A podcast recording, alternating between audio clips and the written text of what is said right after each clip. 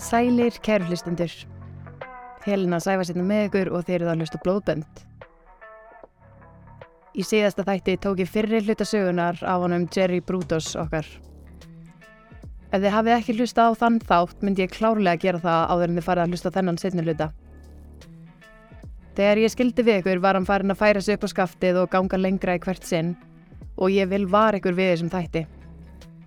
Ég kem til með að lýsa ógeðslegum aðtöfnum sem eru kannski ekki fyrir alla. En þátturinn eru bóði blöss og prentagram. The Shoe Fetish Killer.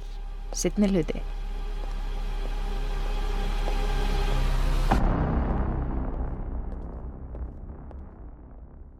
Á þessum tíma sem ég held áfram með söguna er Jerry búin að verða dæmdur fyrir að frelsisifta unga stelpu í skólanmanns og lemjana sig hann mjög illa. Hann var búin að frelsisifta aðra konu á miðjum aldri til að taka myndir af henni. Einnig hafði hann tekið konu hálstæki á stigaganginum á heimilin hennar og rætt skónum af henni og hlaupið á brott. En í framaldi af þessu fór hann alltaf að ganga lengra og lengra. Þörfum hans var aldrei fullnægt. En konan hans, Darcy og barsmóðir var búin að gefast upp á öllum þessum beðnum í honum og hún gerði alls konar kinki dæmi fyrir hann einu sinni, eins og að vera nakin við heimilistörfin og að leifa honum að taka myndir af sér á klamfengin hátt á meðan hún var að þrýfa heimilið. En hún sínd honum engan áhuga lengur svo einhvern veginn þurfti Jerry að svala sínum viðbjóðslegu þörfum og var ekkert að reyna að berjast neitt á móti því lengur. Eitt daginn ákvað Jerry að fara út og fylgjast með aðlaðandi konum eins og hann gerði oft. Hann fann samt þegar hann sá virkilega aðlaðandi konu að hann vildi eitthvað meira. Það var ekki bara nóg að fylgjast með henni og mögulega að stela skónumennar eða nærfötum. Hann eldi þessa konu, þangu til að hún stegi upp í bíli sinn og hann kerði á eftir henni og leiðin lága blokk þar sem konan lagði bílnum í mert engabílastæði. Í staðin fyrir að fara á eftir henni og meiðana eða eitthvað slíkt, ákvað Jerry að leggja bara bílnum og fylgjast með hvort hann sæ hana inn í íbúðin hennar í glugganum, svo hann var fullvis um að hann vissi í hvað íbúðum bjó. Það liði svo nokkru klukkutímar og komið var kvöld. Og það tókst. Hann sá þessa konu koma í eitt gluggan og draga gardinur fyrir og hann vissi þá nákvæmlega hvaða íbúð þetta var. Hennar beigða eins lengur og vildi vera vissum að konan væri sopnuð þegar hann stegi út á bílnum sínum og braust inn í blokkin hennar og inn í íbúðina. Hann lættist um í leitað hælaskó sem hann ætlaði að stela. Hann fór inn í þottahús til að finna nærfött og hann gekk síðan skrifinu lengra og lættist inn í söpnherbyggi konunar og rótaði þar í skápnum hennar á meðan hún svaf.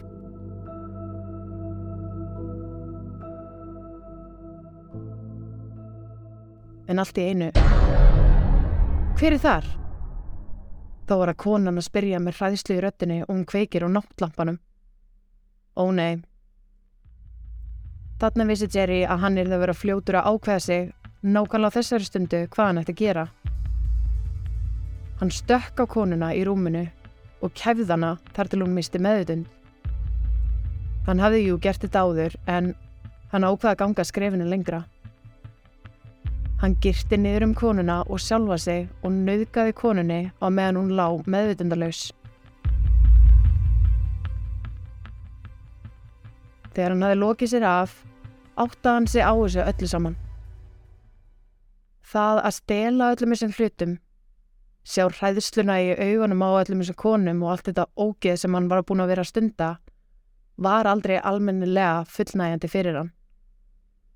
Hann komst að því þá og þarna að það sem fullnæði honum að fullu var að nauðga konu á meðan hún væri meðvitundalös. Hann fann þarna að þetta væri það sem hann væri búin að leitast eftir allan tíman. Jerry let sér dreyma um að eiga rísastóran fristi fullan af látnum konum sem hann gæti bara valið úr þegar hann vildi og nauðga líkum þeirra, klæða þær í undirföt og hælaskó og gera nákvæmlega það sem hann vildi. Við kvenlíkama sem voru látnar, ekki meðutundalysar, heldur látnar. Hann áttaði sig á að hann væri náriðill, sem þráði ekkert meira en að nöðga látnum konum. Bara eins og þegar við áttum okkur á að okkur langar að verða eitthvað í framtíðinni. Við komum staði að við viljum verða kennarar eða lögfræðingar eða tannlæknar eða hvað sem er. Jerry vildi vera náriðill. Og hann ákvaða að stefna þangað og fá sínum sjúku þörfum fullnægt, annars yrðan aldrei hamingisamur.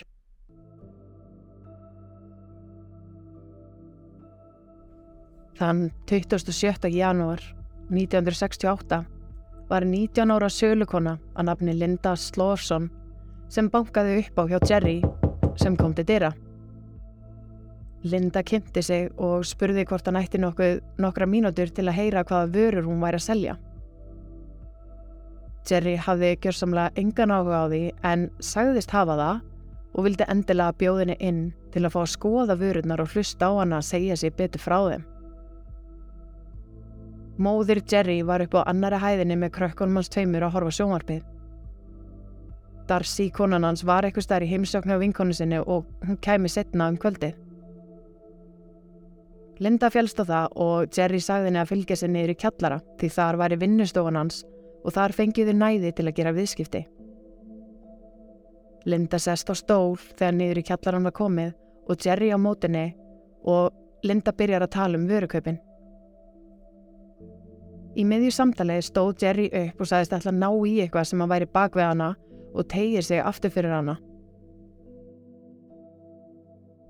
En Linda sá ekki að Jerry tók upp spýtu sem hann svo lamdi af öllu afli í hausin á henni svo hún hrínur í gólfið meðutendalus.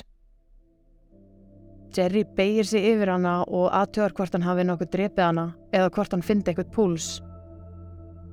Jú, hann fann púls. Hann ákvað þá að taka utan um hálsin á henni. Hann kristi eins fast og hann gat og hann bæði fann og heyrði beinin í hálsinum á henni brotna, möll brotna. Hann gerði þetta þá til hann var vissum að Linda væri látin. Jerry Prudos hafði þarna framið sitt fyrsta morð. Jerry fann adrenalínu aukast og ákvaða að fela líklindu á meðan hann færi upp og bæði móður sína að fara eitthvað með börnin að borða. Enda var þetta eftir kvöldmátaleiti en hann ætlaði ekki með þetta sinn. Hann sagðist að hafa verið búin að gleima litlum verkefnum sem hann hafi lofað sig í. Móður hans fer þá út á heimilinu með börnin og þá hafði Jerry tækifæri til að aðtapna sig með líflausan líkama lindu eins og hann vildi. Það hlakkaði alveg í honum, hann bara gati ekki beðið. Hann tók lík Lindu og klætt hana úr öllum fötunum og finnur svo til nærfattasafni sitt og tók myndir af Lindu í þeim settum sem honu fannst klæðast henni best og misnótaði svo líka hennar. Í miðjum klíðum hugsaði hann enda laust að þetta var nákvæmlega það sem að fullnæði þörfum alls 100% og hann hafði aldrei á æfinni verið jafn hamingisamur. Pælið aðeins í þessu Á þessari stundu var ekkert sem hann hefði vilja geta gert eitthvað meira. Þetta var bara fullkomið. Eftir að Jerry hafi lokið sér af að fullu, vissan að hann þurfti að losa sig við líkið, að það væri of áhættusamt að gera það ekki. Darcy eða börnin geti alltaf fundið hana, en það fær hún að lykta og það var enginn fristir sem hann átti sem hann hefði getað sett hann í.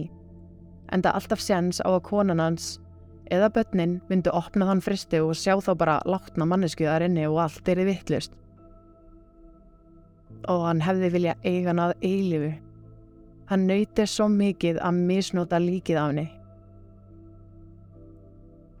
Jerry ákvað þá að hann yrði að eiga eitthvað eftir til minningar um hana. Svona eitthvað svona trófi eins og margir morðingar gera til að lifa eins lengur á þessari sjúku minningu. Jerry ákvað þá að taka sög og sagaði af lindu annan fótinn.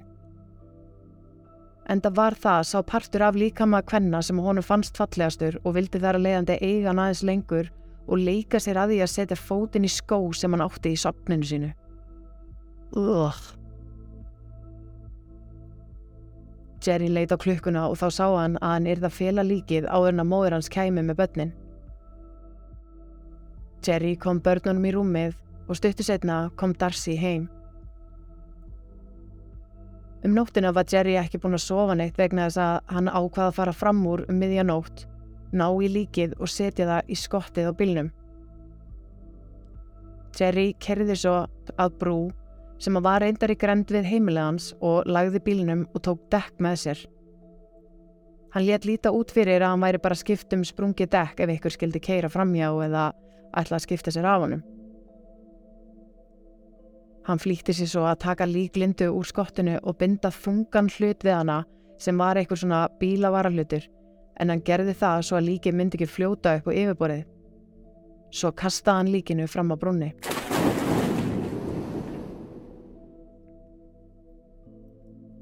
Eftir nokkra daga játaði Jerry sig sigraðan á að eiga fótinn ennþá sem hann hafi sagað af lindu því hann var farin að rótna og erfitt að eiga við hann. Svo hann fór með fótinn á sama stað og hann kastaði líkinu og kastaði fætinum á sama stað. Eftir tvo-þrjá daga voru fjölskylda Lindu farin að óttast um hana þar sem enginn hafi séð eða heyrt af henni allan ennum tíma og þau tilkynntu hvarfið til örlunar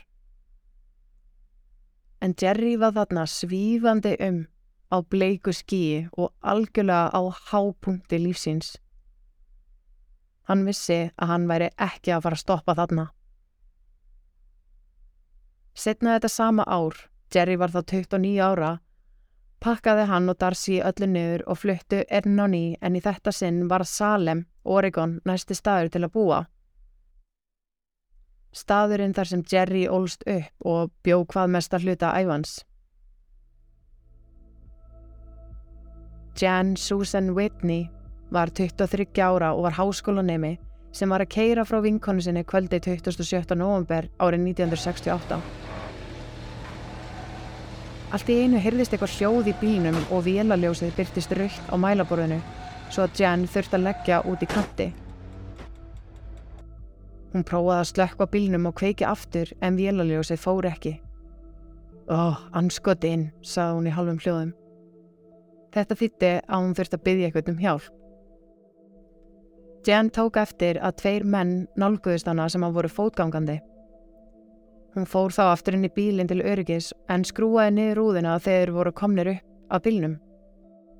Jan spurði svona nokkuð feiminn hvort þeir gæti nokkuð aðstóða hana með bílinn. Jú, ekkert málfrú, sögðu þeir kurtið sér. Þeir opniði húttið og lita bílinn og reynda að koma staði hvað væri að. Að lokum komust þeir svo að því að Jan þurfti eitthvað nýjan bílavaraflut til að fá bílinn í gang. Á meðan þeir voru að útskýra þetta fyrir henni stoppaði bíl hjá þeim í kantunum og útkom Jerry Brutos. Hann ákvaða sínast voðalega hjálpsamur og hlustaði á mennina að útskýra hvað væri að bíljumennar Jen.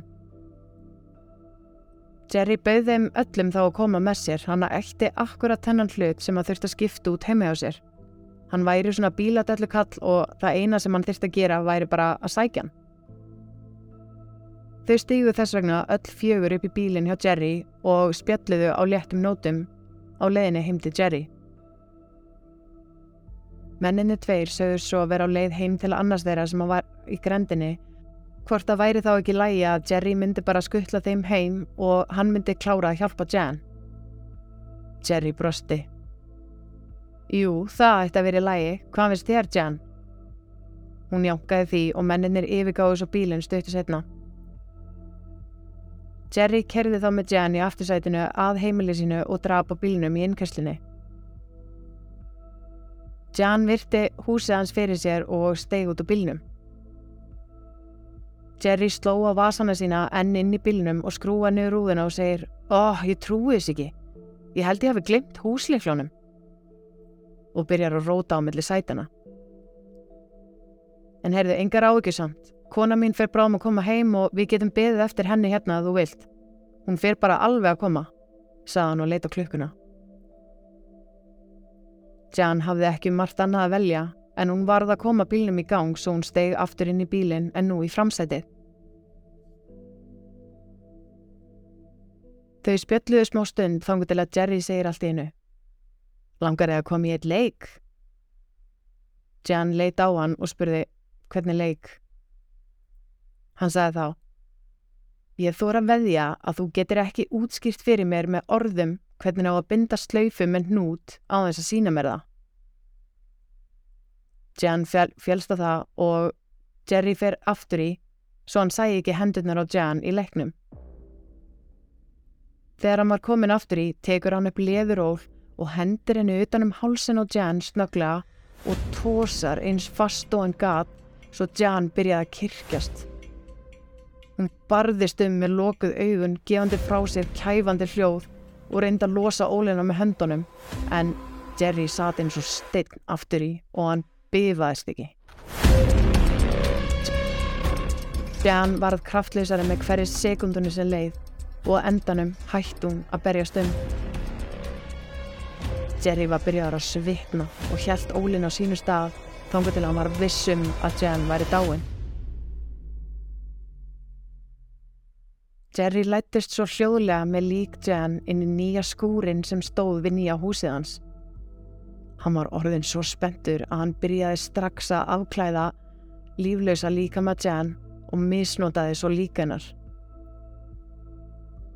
Þegar hann hafi lokið sér af, náðan auðvitað í ógeðslega undirfata sapni sitt og hælaskona og byrjaði að klæðana í alls konar dress og skó og endaði á að máta nánast öll settina á hana sem hann átti og það var sko ekkert lítið. Hann tók myndir af henni í hverju og einasta setti Að lokum hengdi Jerry líkið upp í loft með reypi sem hjekk á krók niður úr loftinu. Hann skildi svo bara líkið eftir svona í nokkra daga en hann misnotaði líkið trekk í trekk ótal sinnum.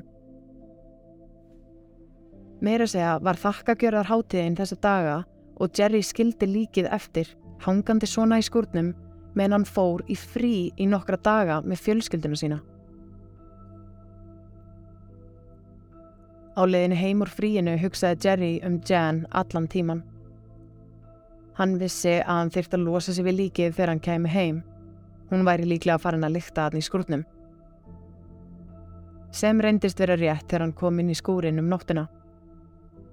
Hann virti líkið fyrir sér og hugsaði hvað hann ætti að taka af henni til að geta lifað aðeins á minningunni um hana. Hann var ekki að tíma að losa sig við hana. Jerry ákvað að skera af Jan annað brjóstið og losaði sig svo við restina af líkinu á sama hátt og hann hafi losað sig við líkið af lindu.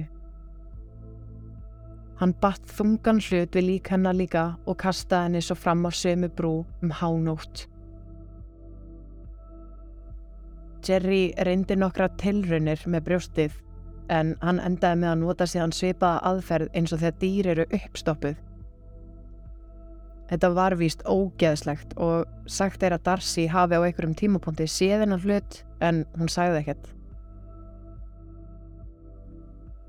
Fjölskylda Jan áttaði sér stöttu setna að hún væri horfin og tilkynnt hann að týnda til lauruglunar sem hóf strax leitaði henni. Bílinn hennar fannst á bílastæði en ekki þar sem hún hafi lagt honum út í kanti þegar hann bilaði. Hann var meira sér læstur. Allt leit út fyrir að Jan hafi lagt honum í þetta bílastæði, farið út og læst bílnum og heimurinn hafi svo bara gleft hana. Ekkert við bílinn síndi fram á að einhver átök hafi átt sér stað inn í honum eða fyrir utanan. Enga rúður voru brotnar, ekkert blóð, nákvæmlega ekkert óæðilegt. Það allir lauruglunni áhegjum því ekkert við bílinn benti til þess að eitthvað hafi komið fyrir Jan og þess vegna kom svo margt annað til greina. Nú voru tvær ungar konur tindar með stöttu millibili og rannsókn lauruglunar miðaði nákvæmlega ekkert áfram. Í mars árið 1969 var einn 18 ára gamla Karen Sprinkler í stöttu fríi frá skólanum þar sem hún var nýbyrjuð í læknanámi og ákvaða að eigða fríinu með fjölskyldinu sinni í Salem, Oregon en hún bjó á háskóla heimavist. Hún var falleg, virkilega klár og kom frá ríkri fjölskyldu og framtíðin var svo sannlega björnt. Þann 27. mars hafði Karen og mamminar ákveðið að hittast í háteismat á veitingastað í Salem klukkan 12. Mamma Karenar var mætt nokkrum mínútum fyrir 12 og pantaði fyrir sig og dóttu sína djúsglas en Karen var líklega bara rétt ókomin. Mamminar beigð og horfði út um gluggan og á úri sitt til skiptis. Tímin leið. Hún skimaði svo út um gluggan. Ekkert bólaði á Karinni. Mamminar velti fyrir sig hvort að Karin hefði mögulega geta glemt þessum hitting þeirra og farið að gera eitthvað annað en ok, hún ákvaði að býða aðeins lengur. Klukkutíma setna gafst mamminar upp og yfirgaf veitingastæðin.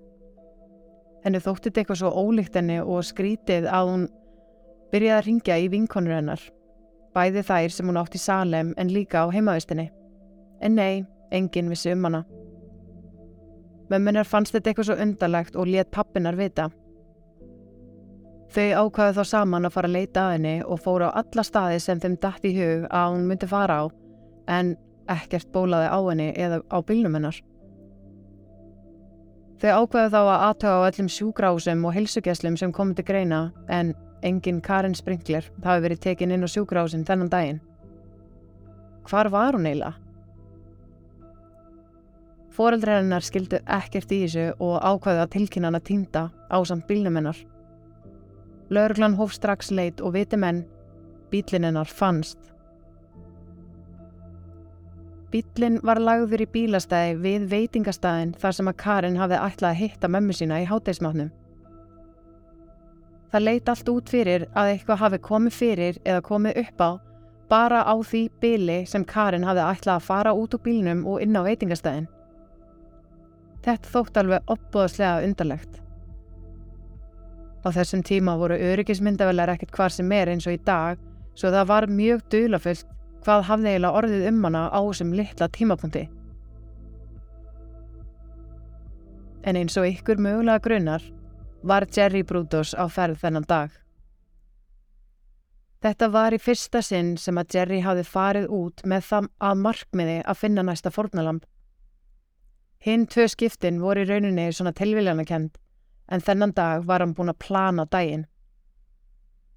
Jerry hafði verið keirandi um í salim í stuttastund þegar hann keirir fram hjá stórveslun og neklir niður bremsinni. Því hann horfið á eftir glæsilegri konu í háum hælum verið að fara inn að vestla.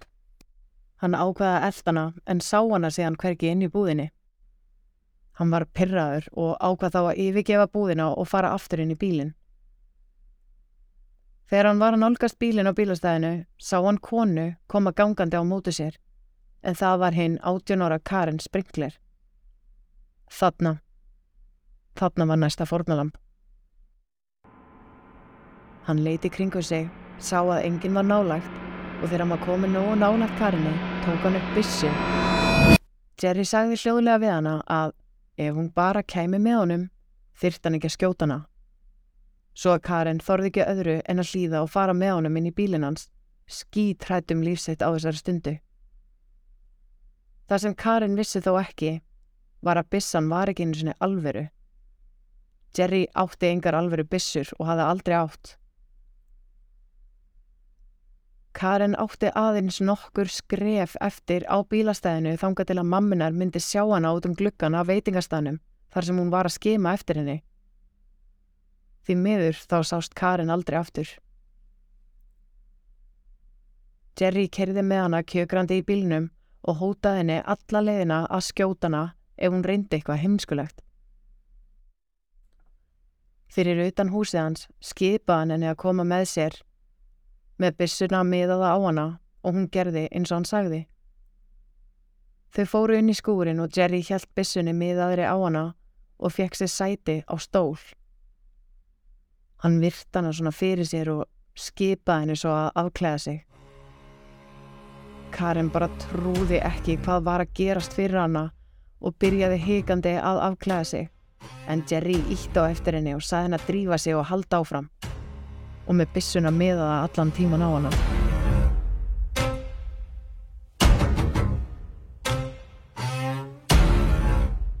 Það skrítna er, er að Jerry leta hann að máta ógeðslega nærfata sapnið hans og taka myndir af henni lifandi á meðan hann gerði það í tvö hinskiptin þar sem að koninnar voru þá látnar. En hann var að elska þetta, að sjá hversu logandi hrætt Karin var og hvernig hann stjórnaði aðstæðanum og drottnaði yfir henni. Þessi hræðilega martröð stóð yfir í marga klukkutíma þar sem að Jerry leta hann að stöðugt skiptum nærfödd og skipaði henni að njóta þess og vera tælandi við hann. Hræðslan var búin að yfirtaka hana og hún þorði ekki að gera neitt annað en það sem hann skipaði henni að gera. Þegar Jerry var svo orðin leiður á þessu, stóð hann upp og Karen var hágrátandi. Hann sagði að hún var í dugleg stelpa og tók svo í hendurnar á henni og batta þær saman fyrir aftan bak. Hann dró svo niður snuru sem hjekk úr loftinu á krók og þrengdi hana utanum hálsin á Karinni sem að þarna farin að átta sig á að lífinar erði bráðum loki. Hún grét og grátt bað hann að drepa sig ekki. Jerry sagði ekkert nema að lokum, er þetta á þraungt? Og þegar Karin sagði já, þá sagði hann, gott. Jerry byrjaði að tósa í endan á reipinu og þá liftist Karin upp frá gólfinu sem hjælt um hálsin á sér viti sínu fjæra hræðslu. Jerry batt svo reipið fast svo að Karin átti aðeins nokkra sekundur eftir þangu til að lífinnar myndi byrja að fjara út. Hann horfið á hann að berjast um fyrir lífi sínu en krafturinn mingaði og mingaði og lokum hjekk Karin reyfingalauðs í snörunni, blá í framann. Jerry virst hana fyrir sér í nokkra stundi viðbóð til að vera alveg vissum hún væri dáin og velti fyrir sér ógeðslegum aðferðum sem hann ætlaði að gera við líflausan líkamennar. Hann klætt hana úr þeim undufetum sem hún let lífið í og let hana svo síga rólega niður og misnotaði líkanar hróttalega, mörgum sinnum, allt, allt kvöldið og alla nóttina. Darcy var með þess að heima með börnin, bara nokkrum skrefum frá þessum ógeðsla skúr en honum var alveg sama. Hann var þarna bara í ykkur náriðila móki og fannst hann vera í himnaríki. Þetta var bara besta sem hann hafði upplifað. Eins mikið og Jerry þráði að geta átt líkið sér til skemmtunar að eilífu, vissan að hann gæti það ekki. Hann ákvað þá að skera af karinni bæði brjóstinn, setti þau svo bara á borðið við hliðina og meðan hann reynda að tróða brúnum pökkunapappir inn í sárin svo að blóðslóð myndi ekki leka út úr opnum sárunum og blóð fær ekki bílin hans. Því næst losaði hann sig við líkarinnar og sama hátt hún aði gert við hinn tö á sama stað. Næstu daga lögðu fóreldrar Karinnar allt sem þau áttu og gáttu gert til að finna hana. Hún var eftirlýst í fjölmiðlum, hengd voru plakkut með myndavennu og upplýsingum út um all, allt í salem og foreldra hennar leitiði með lauruglunni aðinni dag og nótt. Aðeins mánuði setna var Jerry aftur farin að huga að næsta fornalambi. Eins og því kannski takið eftir var alltaf tímin að stittast á milli fornalamba. Jerry var alltaf að verða örugari með sig. Það hryllilega við þetta allt saman er að Jerry er ekki að sækjast eftir rössinu sem að myndast við morðið sjálft. Honum fannst ekkit gaman að standa í vesininu að finna fornalamb og fekk ekki þörfin sinu fullnægt með að myrða þær. Heldur var það veistlan sem tók við þegar konina voru látnar sem hann var að sækjast í. Þann 23. apríl sama ár 1969 fór Jerry að háskólasvæði í leita næsta fornalambi. Honum fannst hlutirnir hafa gengið vel á bílastæðinu síðast svo hann ætlaði að gera svipaða hluti nefn í þetta sinn á háskólasvæðinu. Hann kom auða á unga konu sem hétt Sharon. Jerry leti skara skrýða og Sharon sá í augunum á Jerry þegar hann nolgaðist hana að hún ætti að vara sig. Hann greip í hann og segi Kondu, auð hlýðir ekki og skíti þig. Sharon byrjaði að öskra. Hún öskraði og öskraði svo hátt að það bergmálaði allt um bílastæði. Jerry kildi hana þá og hún dætti í jörðina og reynda öskra meira. Jerry tók þá fyrir munnin á henni. og það eina sem að Sharon dætti í huga geta gert var að býta í hendina á Jerry sem hún gerði. Hún beit svo fast að Jerry reyndi allt sem hann gata öskri ekki sjálfur en það byrjaði að foss blæða úr hendina honum. Hún fann hvernig húðin ripnaði og kjálkin á henni festist í þessari stöðu. Kanski var það vegna óta á adrenalíns en hún allavega gati ekki sleft sjálf þótt hún vildi það. Jerry barðist um og reyndi að losa sig. Hann lifti mér þess að hendinni og höfuðið á Sharon liftist með. Kjálkin var gjörsanlega læstur á hendina honum. Þá lamdan hausnum á henni í jörðina en ekkert gerðist. Það var ekki fyrir en einhver sáðau berjast um sem að kalla úr fjarlæg og þá losnaði kjálkin og höfuðið á Sharon datt og skall í jörðina og andlitið á henni var allt í blóði og Jerry gæti ekki annað en bara hlupið á brott. Þetta sló hann gjörsamlega út á læginu. Sharon var færið á sjúkrahús þar sem hún hafi hlotið mikla höfuð ávirka. Laureglan mætti fljótlega á sæði til að fá lýsingu á manninum. Sharon myndi að hann hafi verið stór maður, rauðherður og með freknur. Meira myndi hún bara ekki. Jerry fór heim mjög pyrraður að þetta hafi mistekist. Hann nætlaði ekkert að sætta sig við að einhver stelpu skjáta hafi fengið hann til að hlaupast í burtu. Svo hann bjó sjálfur um bitsárið og ákvaða að fara daginn eftir og gera aðra tilraun. Þann daginn faldi hann sig í runna og sá fórnalam sem hann leist á koma í áttina að runnanum. Þessi stelpa hétt Gloria og var 15 ára.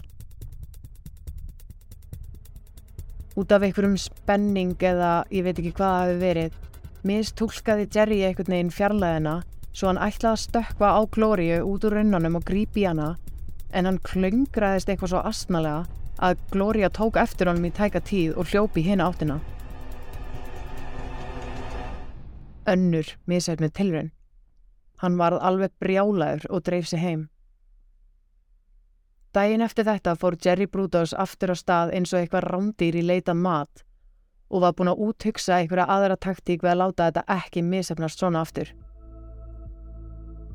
Linda Selí var 22 ára og var smágerð kona, akkurat það sem Jerry vildi. Hann vildi sjá til þess að vera miklu starri og sterkara en konan sem hann myndi velja sem næsta fólknalam. Linda var að vestla og Jerry tók eftir henni á bílastæðinu, fara inn í vestunum viðstöðuna og hann ákvaða að býða eftir að hún kemi tilbaka svo hann lagði bílnum og beigð eins og hrækamur eftir henni. Þegar hann sá að hún var að koma með fyllt af pókum tilbaka inn í bílinn, stýgur hann út og gengur að henni og sínir henni laurugluskýrtinni. Hann saðist vera laurugla sem væri að rannsaka og leita þjófi sem væri búin að vera stela úr vestlunum miðstöðinni og að hún passaði akkurat við lýsingu á þeirri mannesku sem líst var eftir. Linda fær sjokk og sínur honum kvittaninnar af öllu sem hún hafi keift og hann segir bara já já þetta segja þær allar. Jerry sæðist þurfa handtakana ef hún kæm ekki bara með honum svo Linda fjálst á það og fylgd honum að bílnum hans og sast aftur í.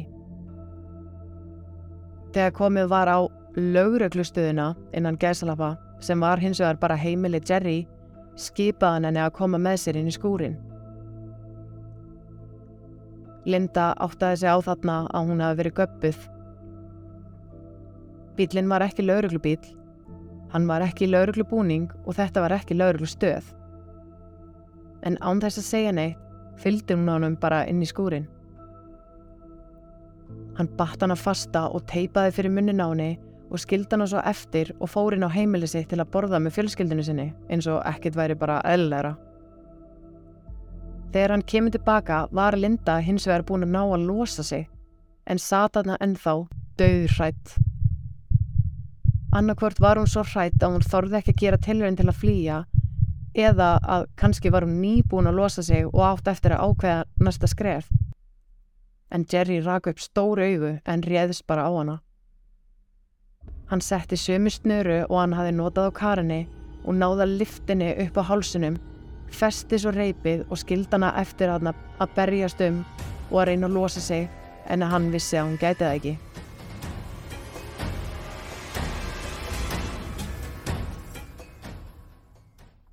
Hann fór afturinn á heimilið sitt en snýri svo aftur um leið og hann vissi að Linda væri látin út í skurnum.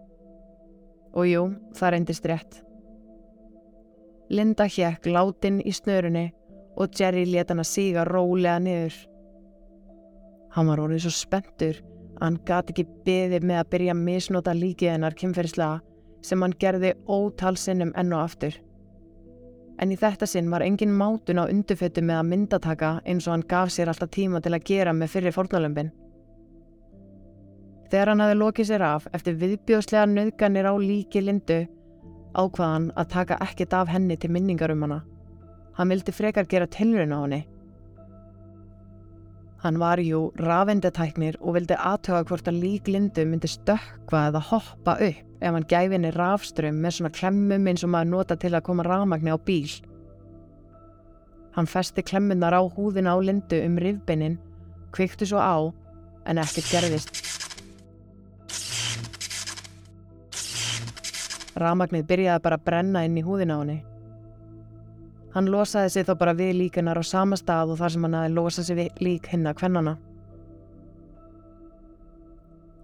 Lauruglan var komin aðeins á stað en Jerry hafði aldrei leið undir grunn eða verið færður til yfirheyslu eða var nokkurn hátt borin á nafn í rannsóknunni.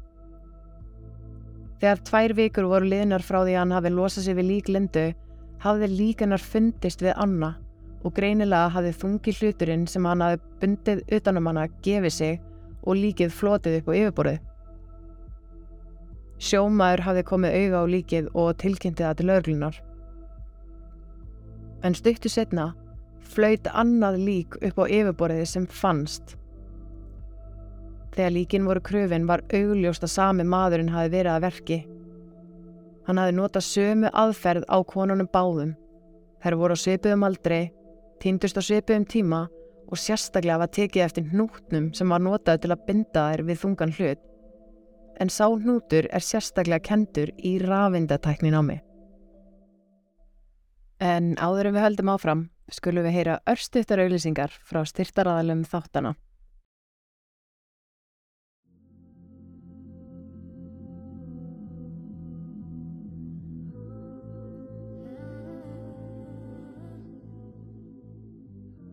Ef þú kíkir á blössbarinn á Dalvegi 32 getur þú valið er geggjaðar vörur sem þig langar í eða sem þið langar til að gefa ykkur um sem á það skilið.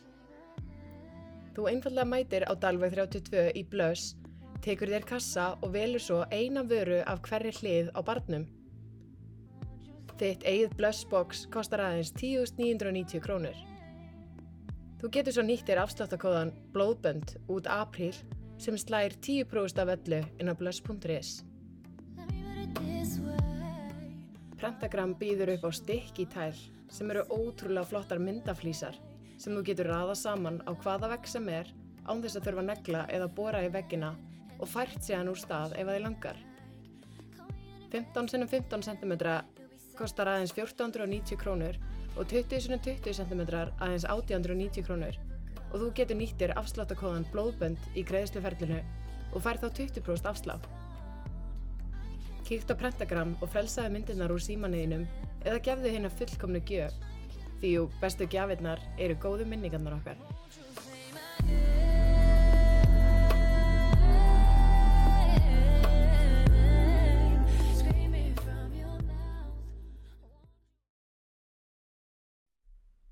Ákveðið var að senda kavarateimi til að leita að fleiri líkum í ánni því rannsakandur voru fullvissir um að um raðmóringja væri að ræða og það myndu finnast fleiri lík í ánni.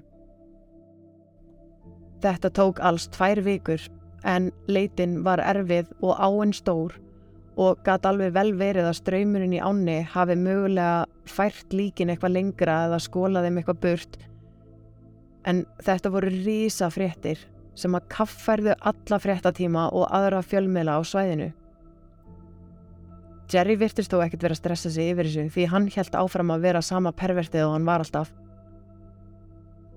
Hann helt áfram að halda sig við háskólasvæðið en hann hafði einstaklega gaman að því að fylgjast með konum á því svæði.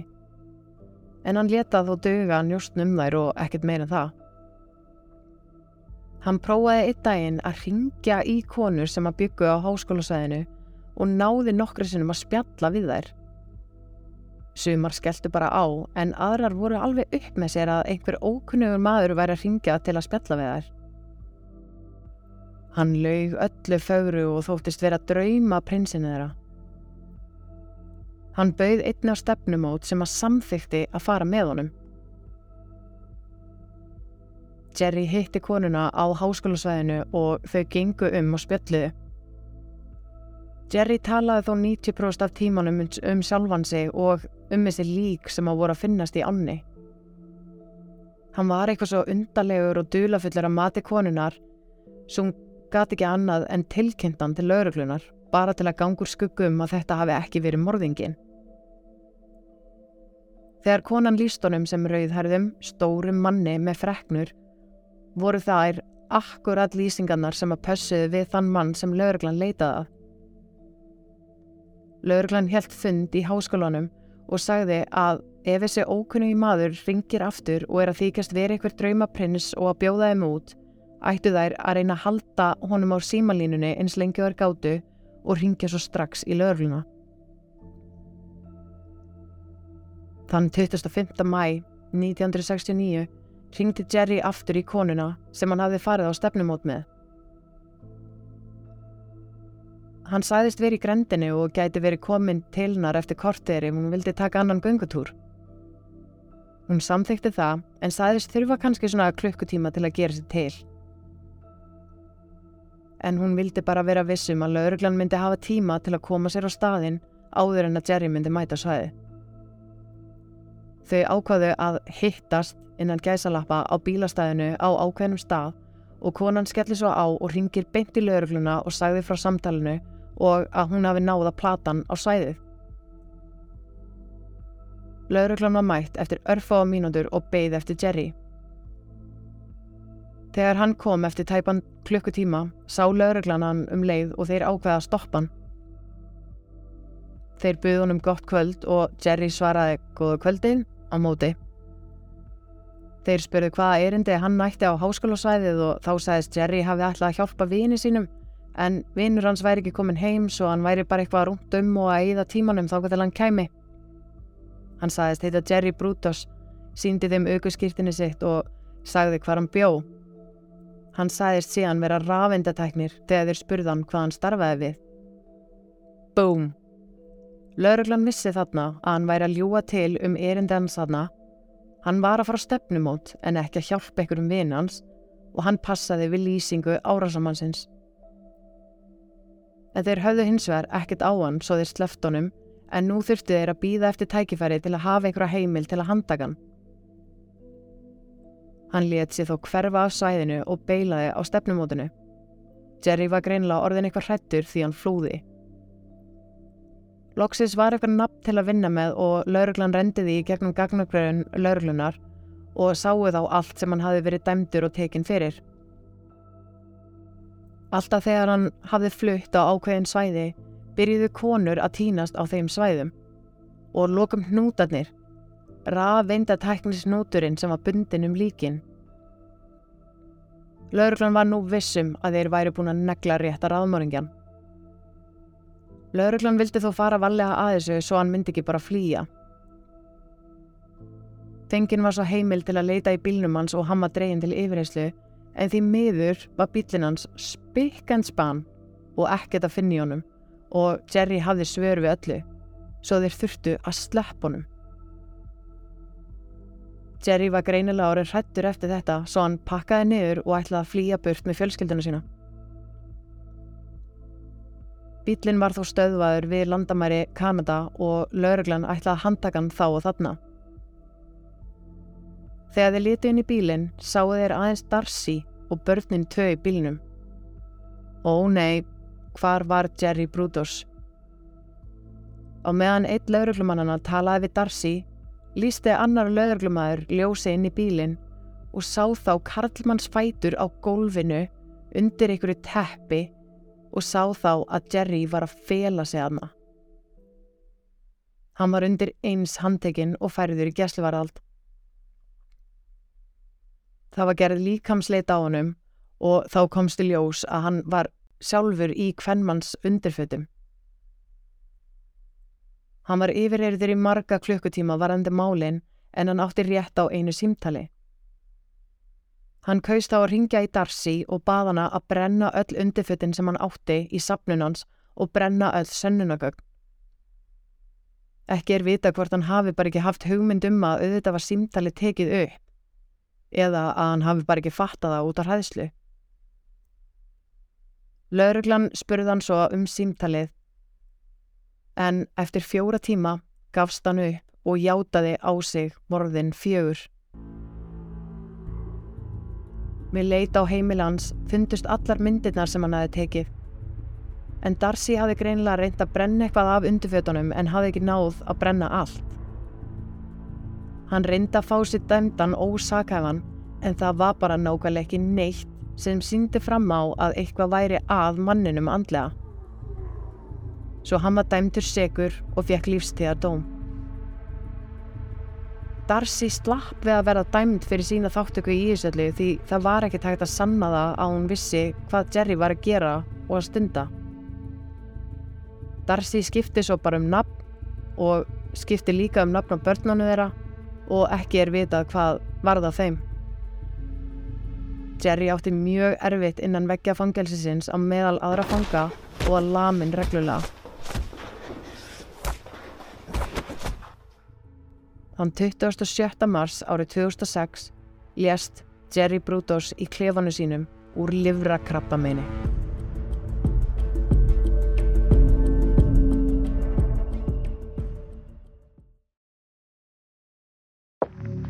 Þá er komið að lokum í dag. Þetta mál var lengra en þau eru vanalega hjá mér en mér finnst þetta náriðilega dæmi svo ógæðislegt að ég bara varða að taka þetta fyrir.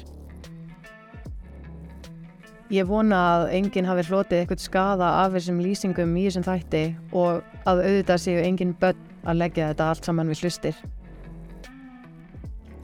Ég vil minna á Instagram síðu þáttarins og hexdesign.is. Takk fyrir að hlusta. Þetta er næst góða stundir.